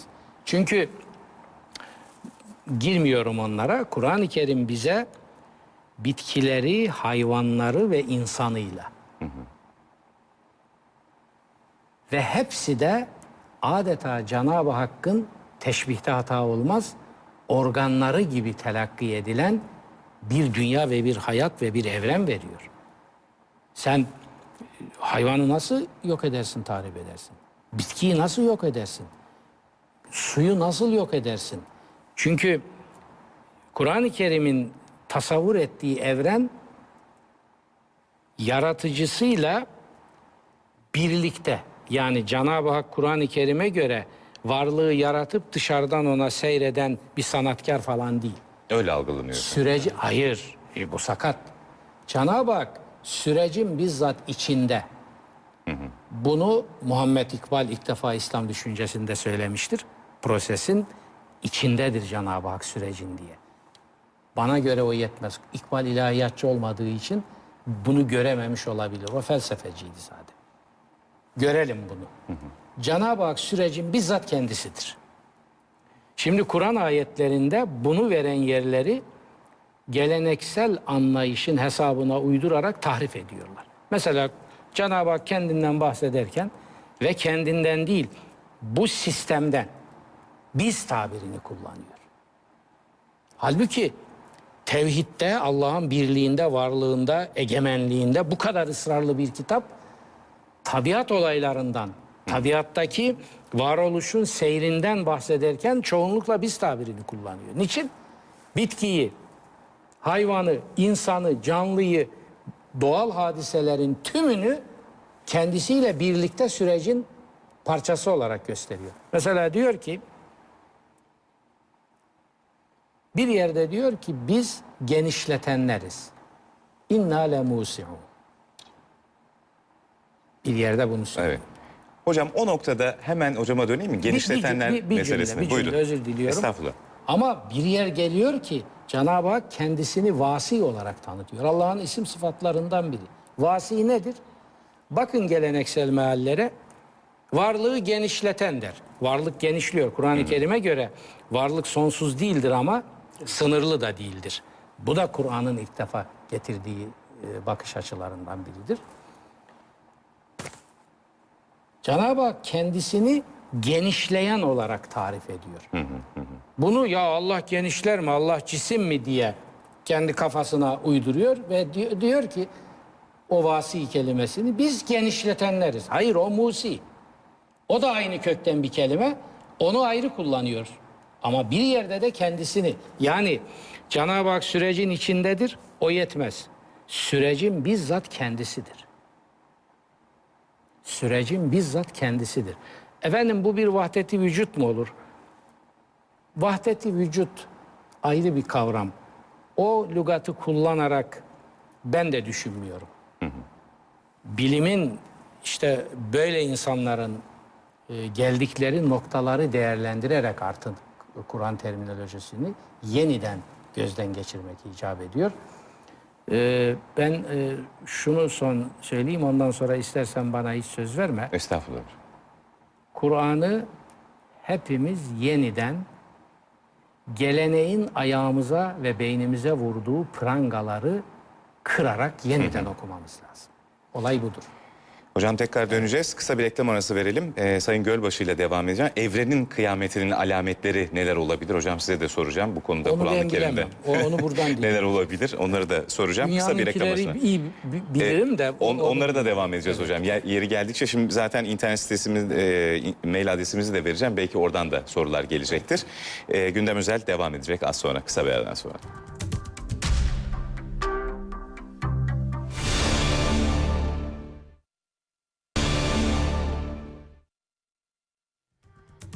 Habertürk ekranlarında gündem özel devam ediyor. Kıyameti konuşuyoruz. Özelde 2012 tarihini konuşuyoruz ama e, kıyameti konuşuyoruz. E, son olarak evrenin kıyameti noktasında kalmıştık.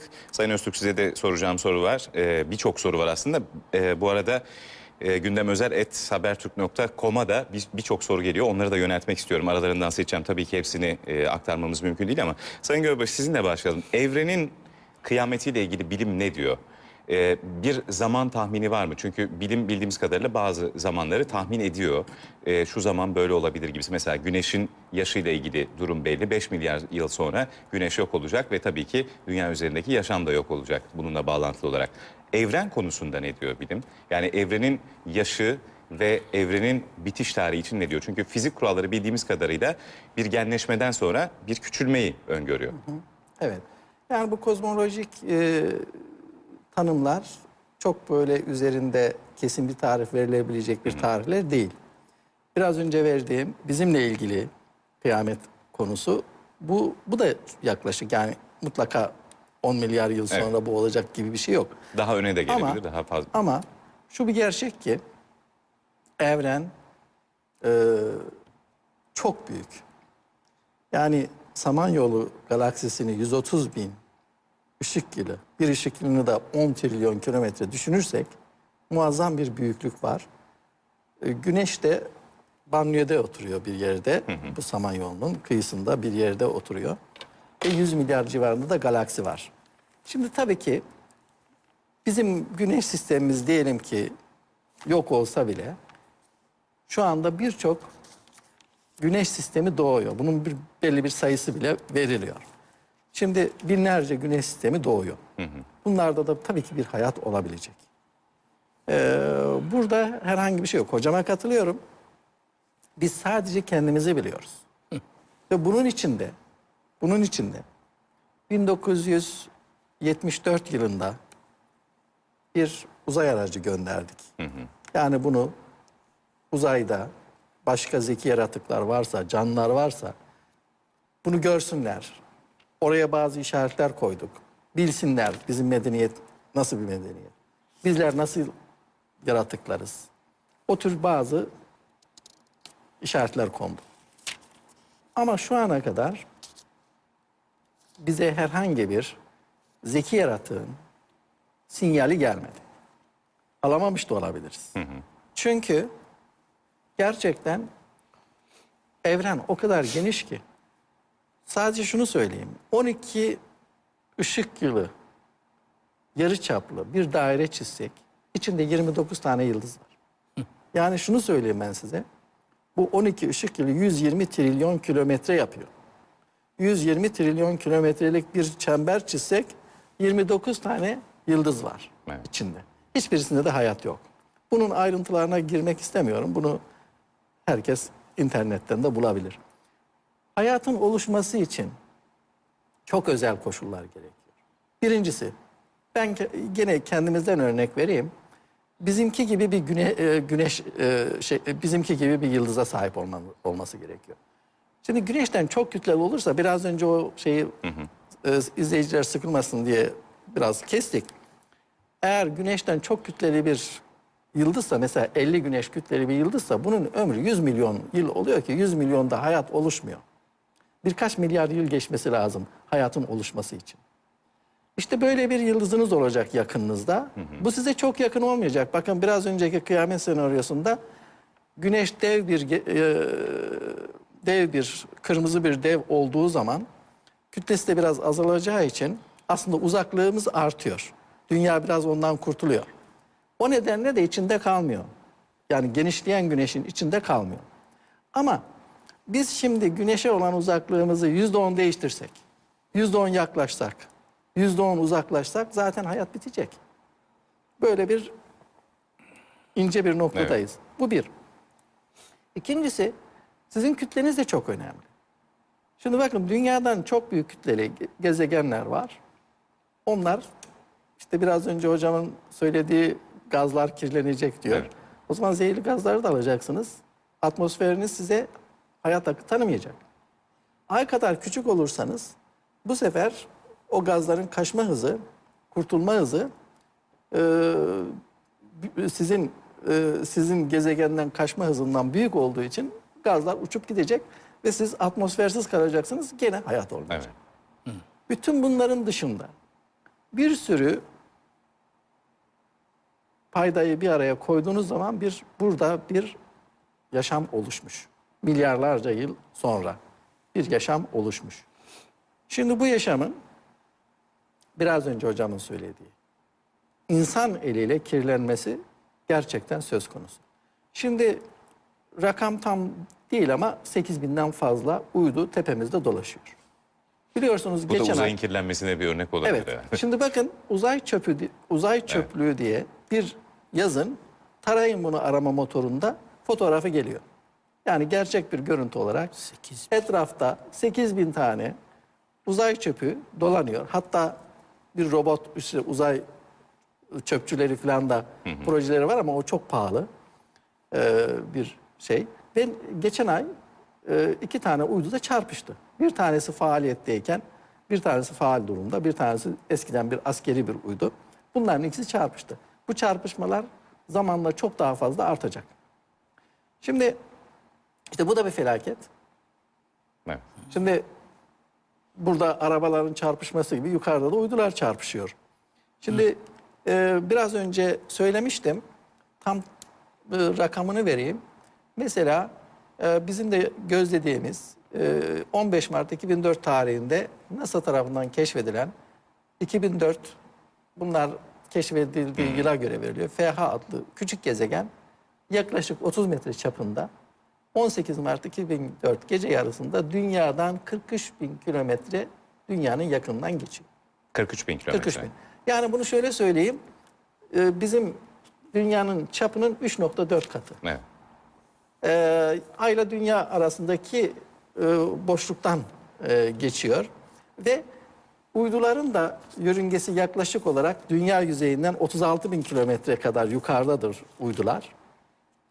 Ee, merkeze göre 42 bin kilometre kadar yukarıdadır. Uyduların da hemen yakınından geçmiş. Yani çarptığı uyduyu Evet. tabii ki götürür. Şimdi böyle bir ortamda gerçekten şimdi e, NASA'nın bu biraz önce bahsettiğimiz 2012 felaketiyle ilgili tabii ki raporları var. Ama bu raporlarda 12 Eylül 2012'de e, böyle bir felaket olacağını söylemiyor. Buna dikkat çekiyor. Olabilir diyor.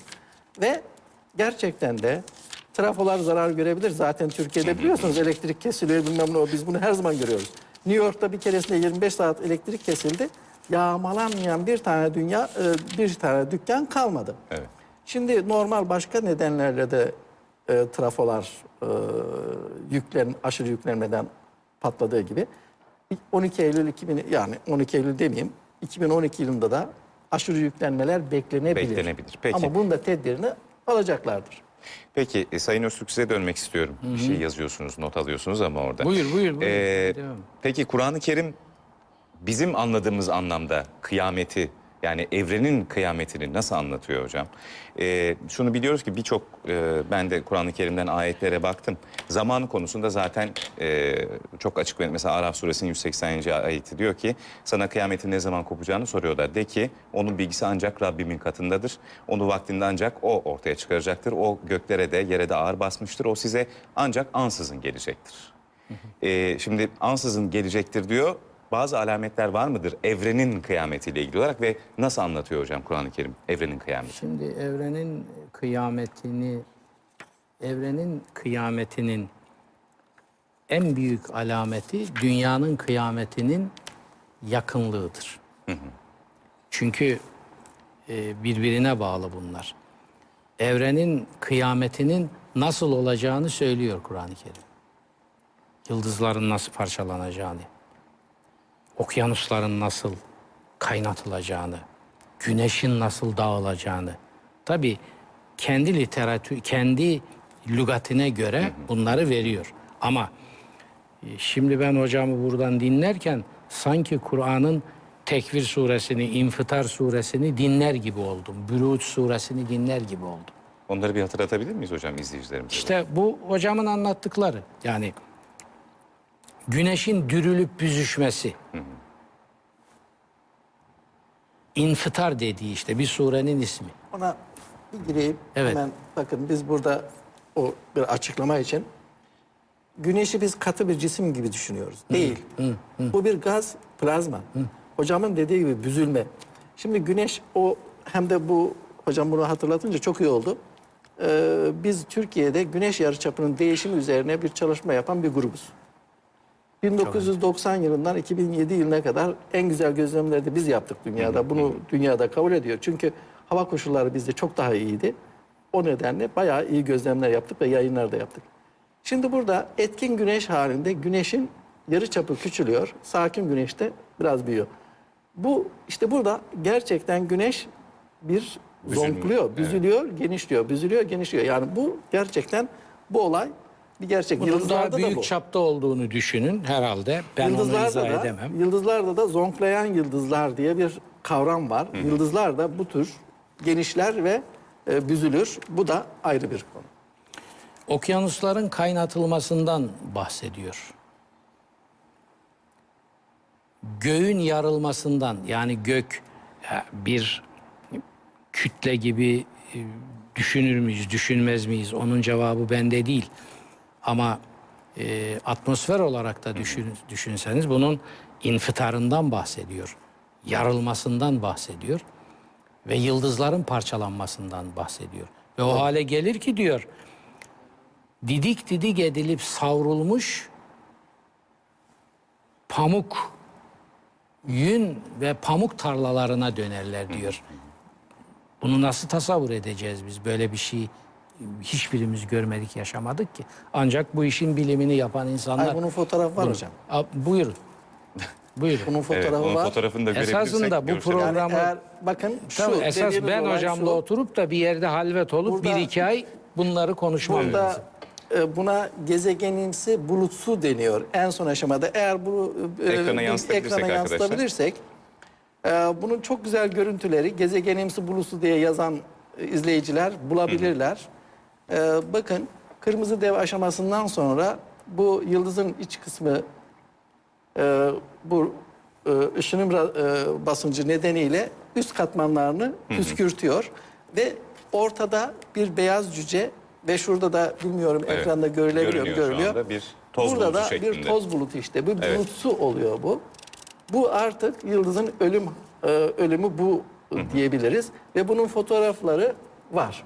Hatta e, güneş e, bizim e, bizim sonumuzun resmi çekildi diye e, gazetelerde de geçen hafta yer aldı. Evet. Bunlardan çok var.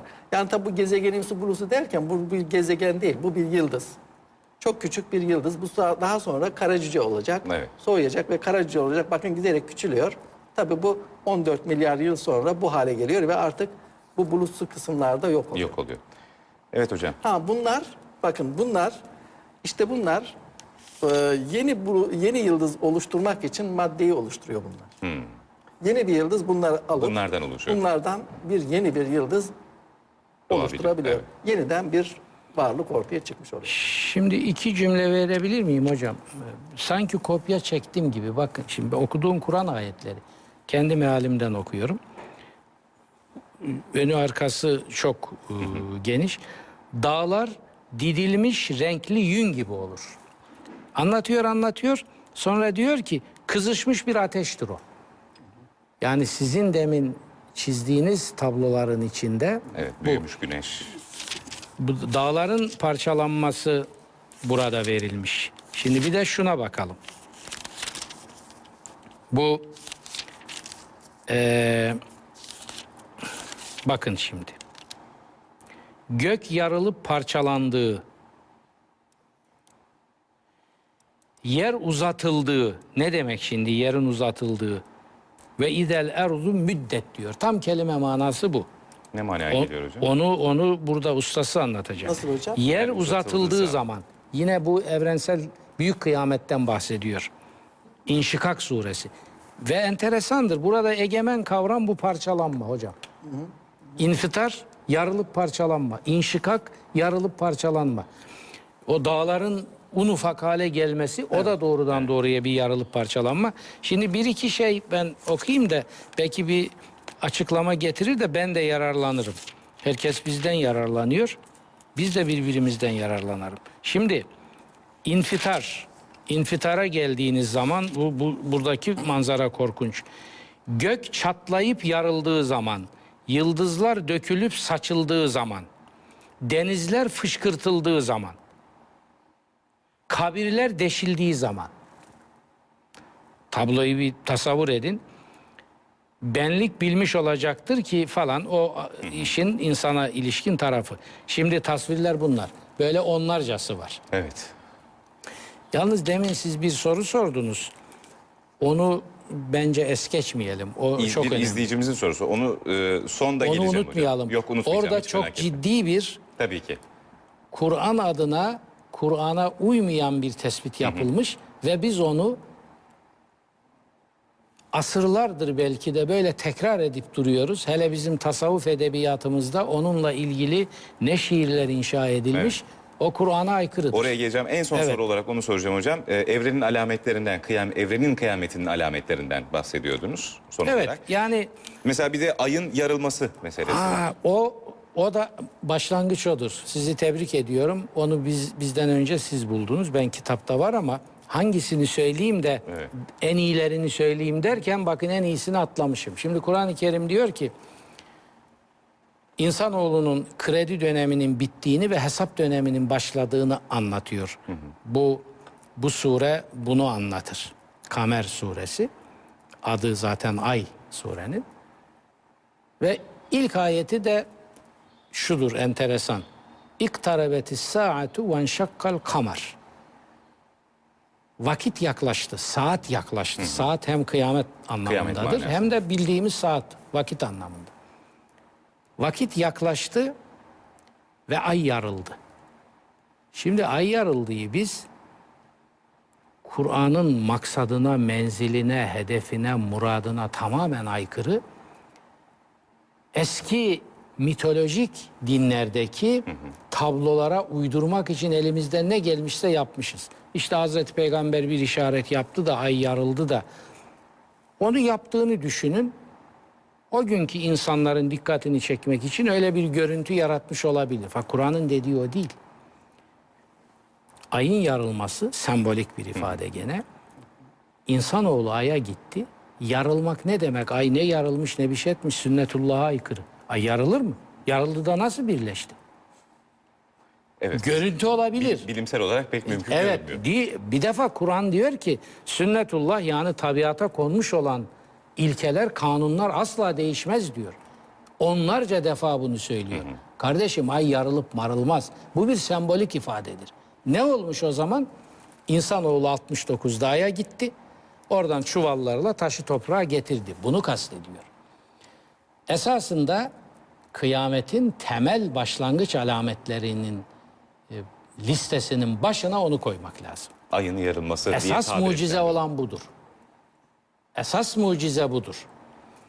Ay yarıldı, vakit yaklaştı. Fakat insanoğlu diyor bütün bunlara bakar hala bunları büyü müyü falan zanneder. Nitekim bizim hoca efendilerin birçoğu aydan Amerikalılar geldi ki ben o hadiseyi Trabzon'a gitmiştim İstanbul'dan. Henüz yerleşmemiştim. Hiç unutmuyorum orada misafir olduğum bir yerde radyodan dinledim aya inişi. Ertesi gün vavela koptu bizim camilerde. Efendim inemez ay nurdur. Hani yarılmıştı. Nurdur. Cinler kandırdı Amerikalıları diyor. Hatta ben Allah rahmet etsin çok sevdiğimiz bir hoca vardı. Alay ederek böyle hutbe okuyordu. Amerikalılarla alay ediyor. Hey, cinler kandırdı seni, sen de kandırırsın beni. Endi oraya da taş aldı da getirdi de alay ediyor. Ne yalan bunlar diyor. Böyle şey olur mu? İnemez nurdur diyor filan. İndi adam getirdi toprağa taşı. Ayın yarılması o. Yani 1500 sene önce hocam nasıl ifade edebilir aydan taş getirildiğini, toprak parçalarının getirildiğini veya ayın kütlesinden bir şeylerin koparılıp getirildiğini nasıl ifade edebilir? 1500 sene önce insanla yarıldı diyor ve ama onun esas mesajına dikkat çekiyor. Diyor ki bu bir işarettir insanoğlu için. Evrensel, kozmik çapta bir işarettir. İnsanoğlu artık bir yerlere gelindiğini ve dikkat etmesi gerektiğini. Gerektiğini.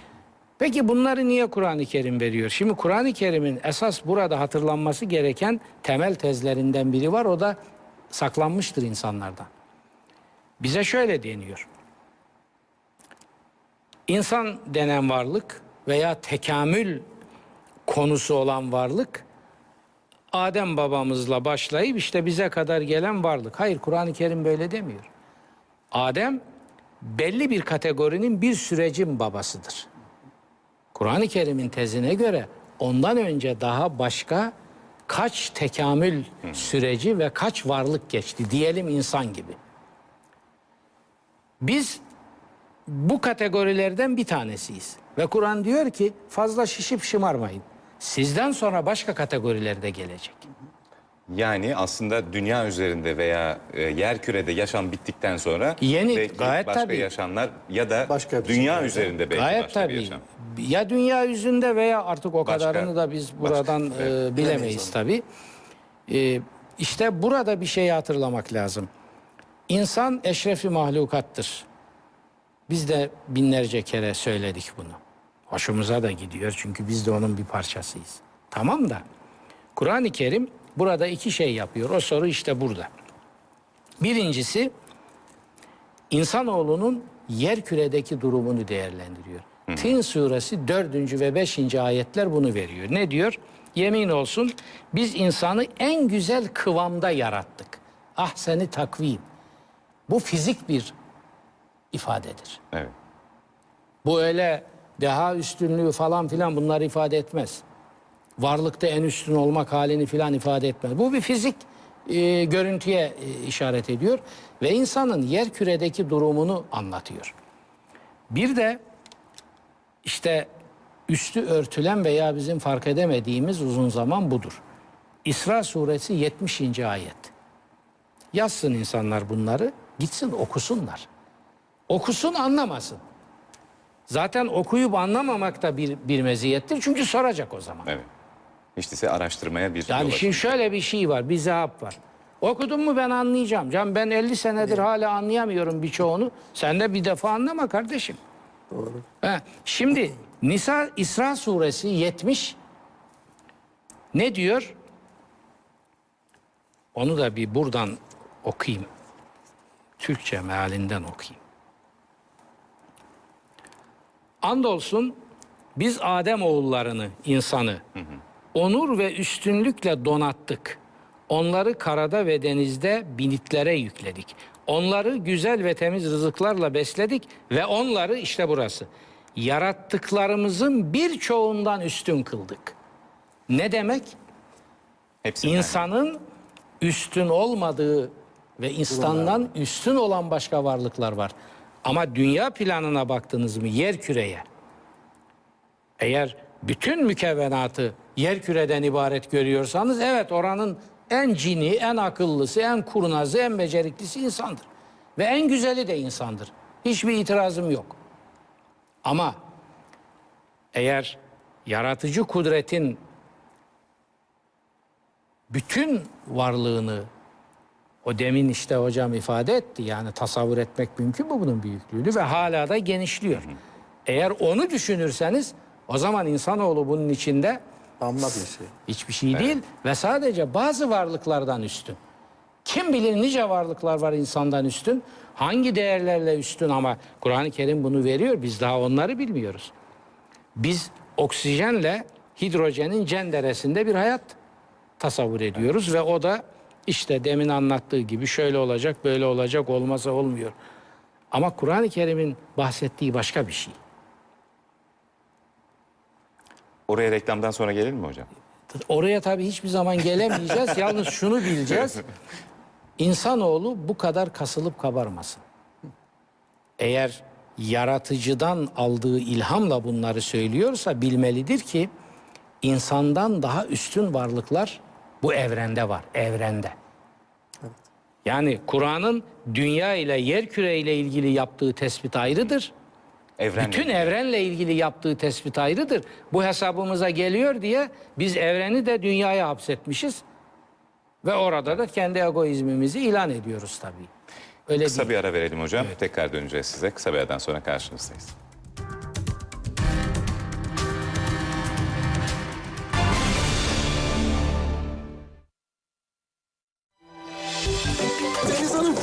Geldiniz vallahi ne, ne güzel geldiniz. Saçlar da çok yakışmış bonus olayı herhalde. Bonus tabii hayatım. Hem de deniz bonus. Topladım denizden bonusları kendime tatil hediye ettim. Deniz'in de bonusu başka oluyor tabii. Alışverişte fark yaratan Deniz bonus kart denizde. Ee, Deniz her yerde. Merhaba Türkiye. Türkiye kredi kartı deyince en çok bonusu seviyor. Bunu biliyoruz. Acaba Türkiye başka neleri seviyor? Huzurlarınıza Kadir Çöpdemir geliyor. Köfte mi, döner mi? Tam yani ben perhize başlamışken oldu mu değil mi Acun'um? Ha? Sen de böyle bir dönerci elektriği alıyorum ama. Ha, millet birbirinden ne elektrikler alıyor benim verdiğim elektriğe bak. Ben köfteci mi diyorsun? Ya Acun'um şöyle yani elimde köfte, ufkumda ve ruhumda döner. Benim de karnımı acıktırdın. İstersen Türkiye'ye soralım. Bu hafta Türksel 3360 cevap gönderen 25 kişi var mısın yok musun final elemesine katılma şansı yakalıyor. Türkiye cevap ver hemen. Köfte mi, döner mi? Yetersiz bakiye hanımefendi. Murat, kredi kartını ödemedin mi?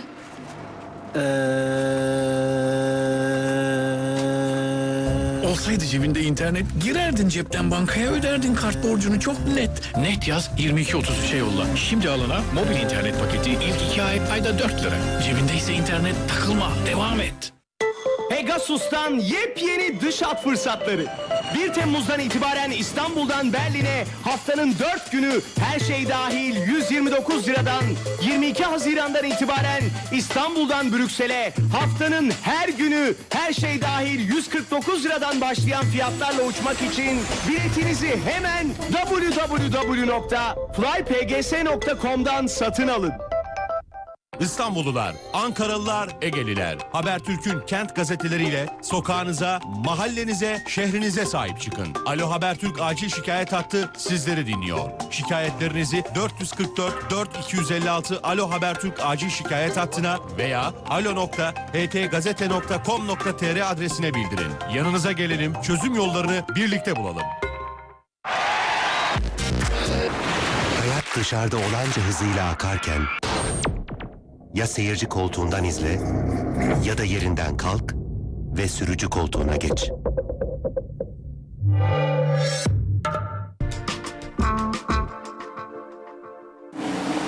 Aysel, Aysel tutun çanta gitti. Aysel güvende. Çünkü güvenli cüzdan sigortasını bizde yaptırdı. Her gün dünyada milyonlarca insanın sigorta ihtiyaçlarını karşıladığımız için neye değer verdiğinizi iyi biliyoruz. Siz de HSBC'ye gelin, sigorta işlerinizi birlikte çözelim.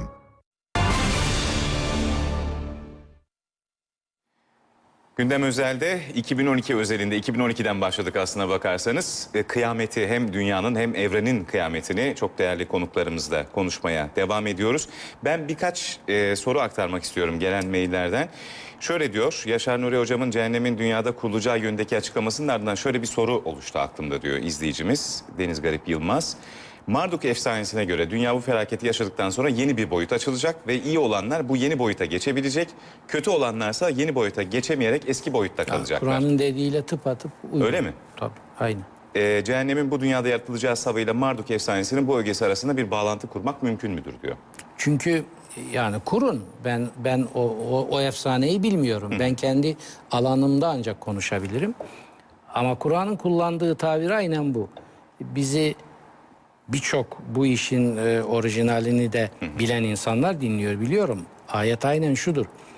Yevme tübeddelül erdu gayrel erdi.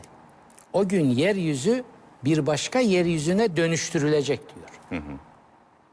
Yani ne olacaksa burada olacak. Evet. Burada olacak. Yani e, bunu göz ardı etmememiz lazım. Çünkü bunu göz ardı ettiniz mi insanoğlu bu yer küreyi mahvetmekte hiçbir sakınca görmüyor. Ne yapıyor mesela? Bu sakat ve Kur'an'ın dışladığı günah ve sevap anlayışıyla. Yeşilliği tahrip ederek cami yapıyor oraya. İslam'ın zaten namaz için mekan kaydı yok. İslam böyle bir mabet anlayışı yok İslam'ın. İslam'da mabet anlayışı var. Nedir o biliyor musunuz? Bütün yeryüzü mabettir. Nerede namaz kılarsan mabet orasıdır. Özel namaz için tahsis edilmiş bir mekan anlayışı Kur'an'da yoktur. Kıldığınız zaman orası mescittir. Tabir de budur zaten. Bitti mi ibadetiniz orası neyse odur. Toplantı yeridir, iş yeridir, odur budur. Şimdi yeşili tahrip ederek oraya bir bina dikiyorsunuz ve sonra oraya parayla namaz kıldırmaya memur ettiğiniz bir adam koyuyorsunuz. Parayla namaz kıldıran bir adamın kıldırdığı namaz geçerli değil. Onu da saklıyorsunuz milletten. Sonra diyorsunuz ki bura Allah'ın evi. Vallahi yalan. Allah'ın evi o yeşillikti. Allah'ın evi o yeşillik. Kur'an'ın dediği budur. Onu tahrip edip ondan sonra taşı, duvarı bilmem neyi getirip oraya koyuyorsunuz Allah'ın evi. Bakın bu sakatlıkların Kur'an'a gidilerek tamir edilmesi lazım. Yani din dediğiniz esas budur. İnsana hayat verecek olan din budur. Ve Cenab-ı Hakk'ın insana gönderdiği dinin lütuf olan tarafı budur. Bütün bunlardan bizim hayatımızda hiçbir eser yok. Yani siz şimdi biraz daha net bir şey söyleyelim. Azıcık da siyasetçi tarafım tutsun veya vatandaş tarafım tutsun efendim. Şu İstanbul, bunun bir yaratıcısının elinden çıktığı şeklini düşünün. Rahmetli Muzaffer Ozak vardı. Çok saygı duyduğum, çok sohbetine gittiğim, çok da röportaj yaptığım gazeteciliğim zamanında bir zat idi. Makamı cennet olsun. Çok kültürlü bir insandı. Sohbeti doyumsuzdu. Derdi ki bana Cenab-ı Hak faraza sorsa, Muzaffer Ocak, Şeyh Muzaffer Efendi de derlerdi.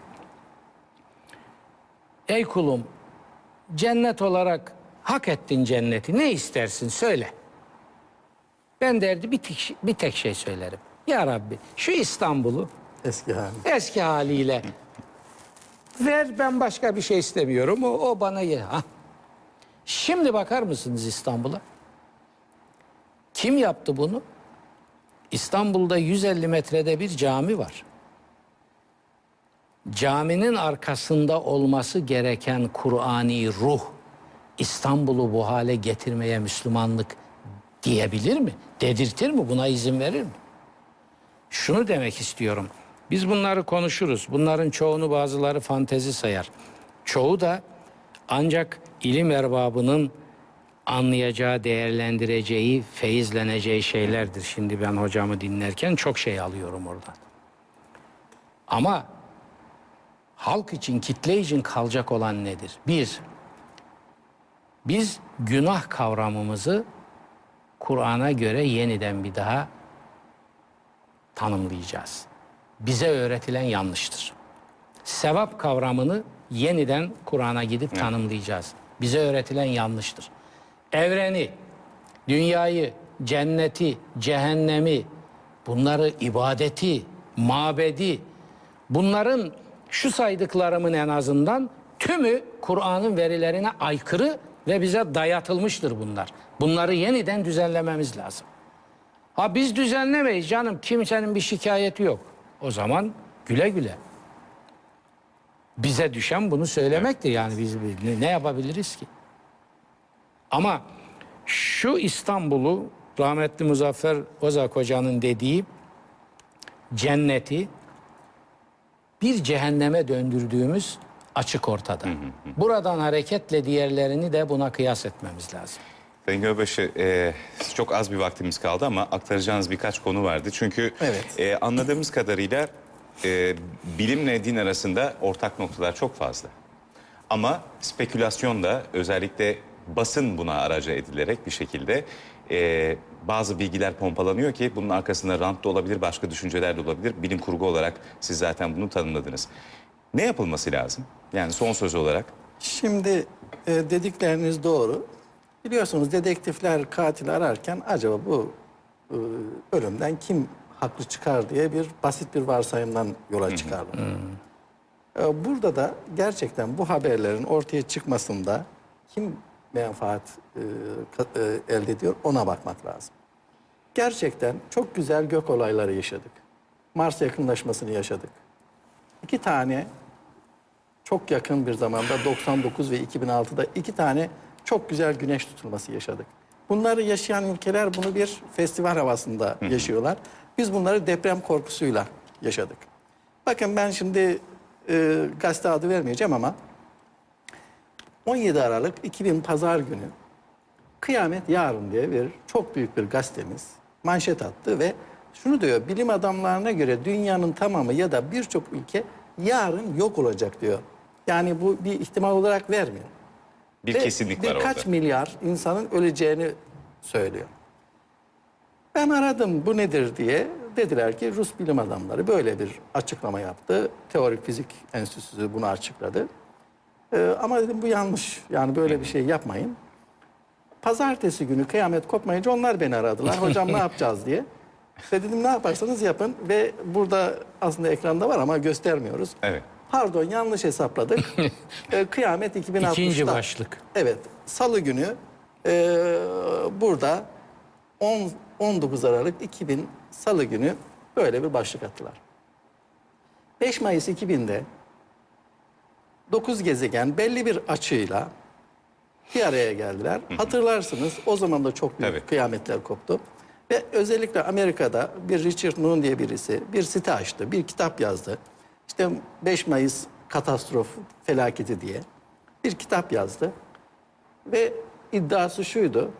5 Mayıs günü bu aslında 20 derecelik bir açıyla bir araya geliyorlardı. Tam da böyle yan yana gelmiyorlardı.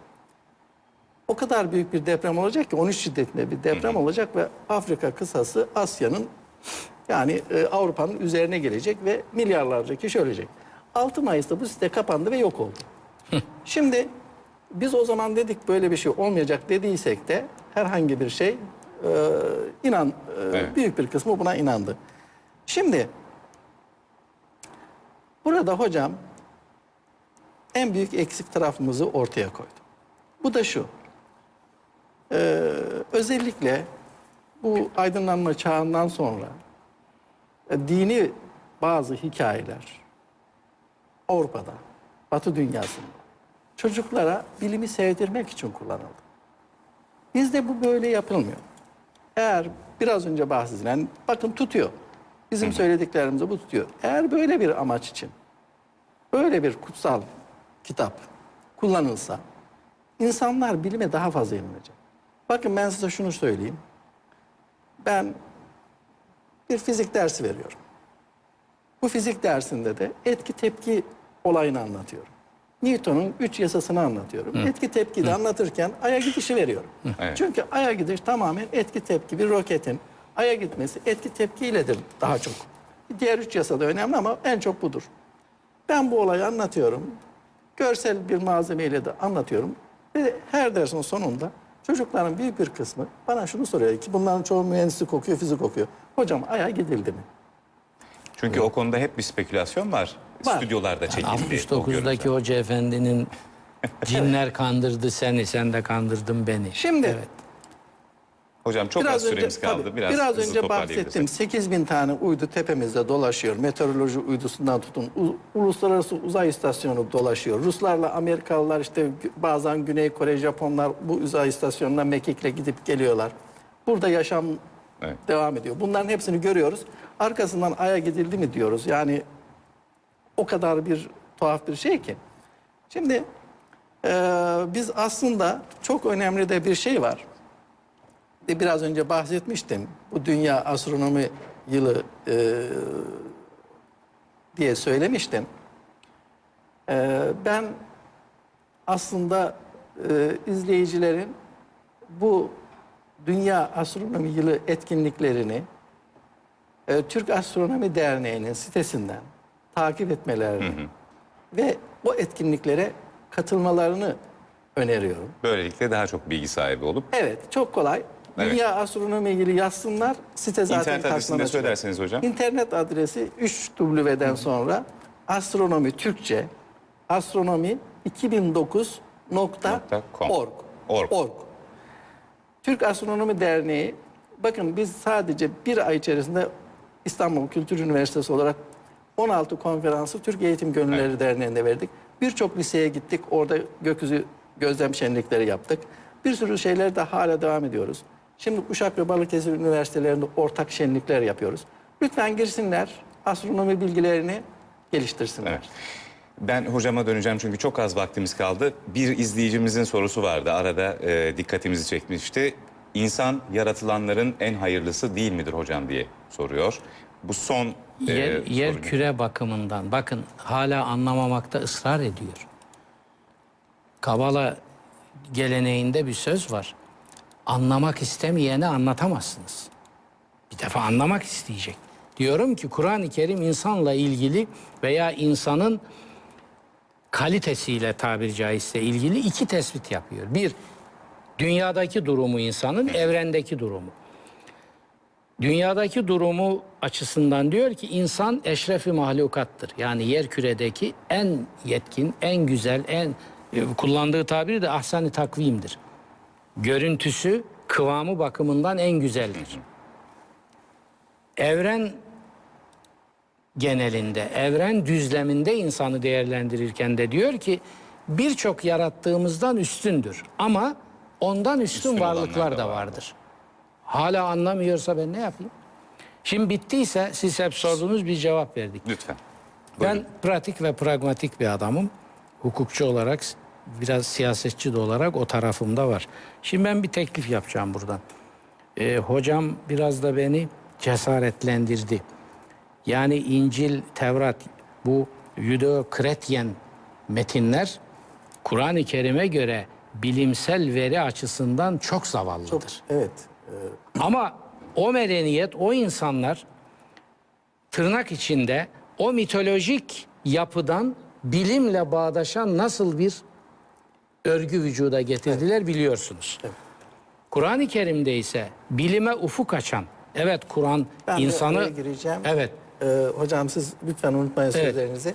Biraz önce benden adres istediniz. Ekranı yansıtırsanız bu afiş... Arkadaşlarımız veriyor zaten onu- şey yapıyorlar. Hayır onu Al- ekrana verirlerse Tamam, oradan tamam. adresi alabilirler.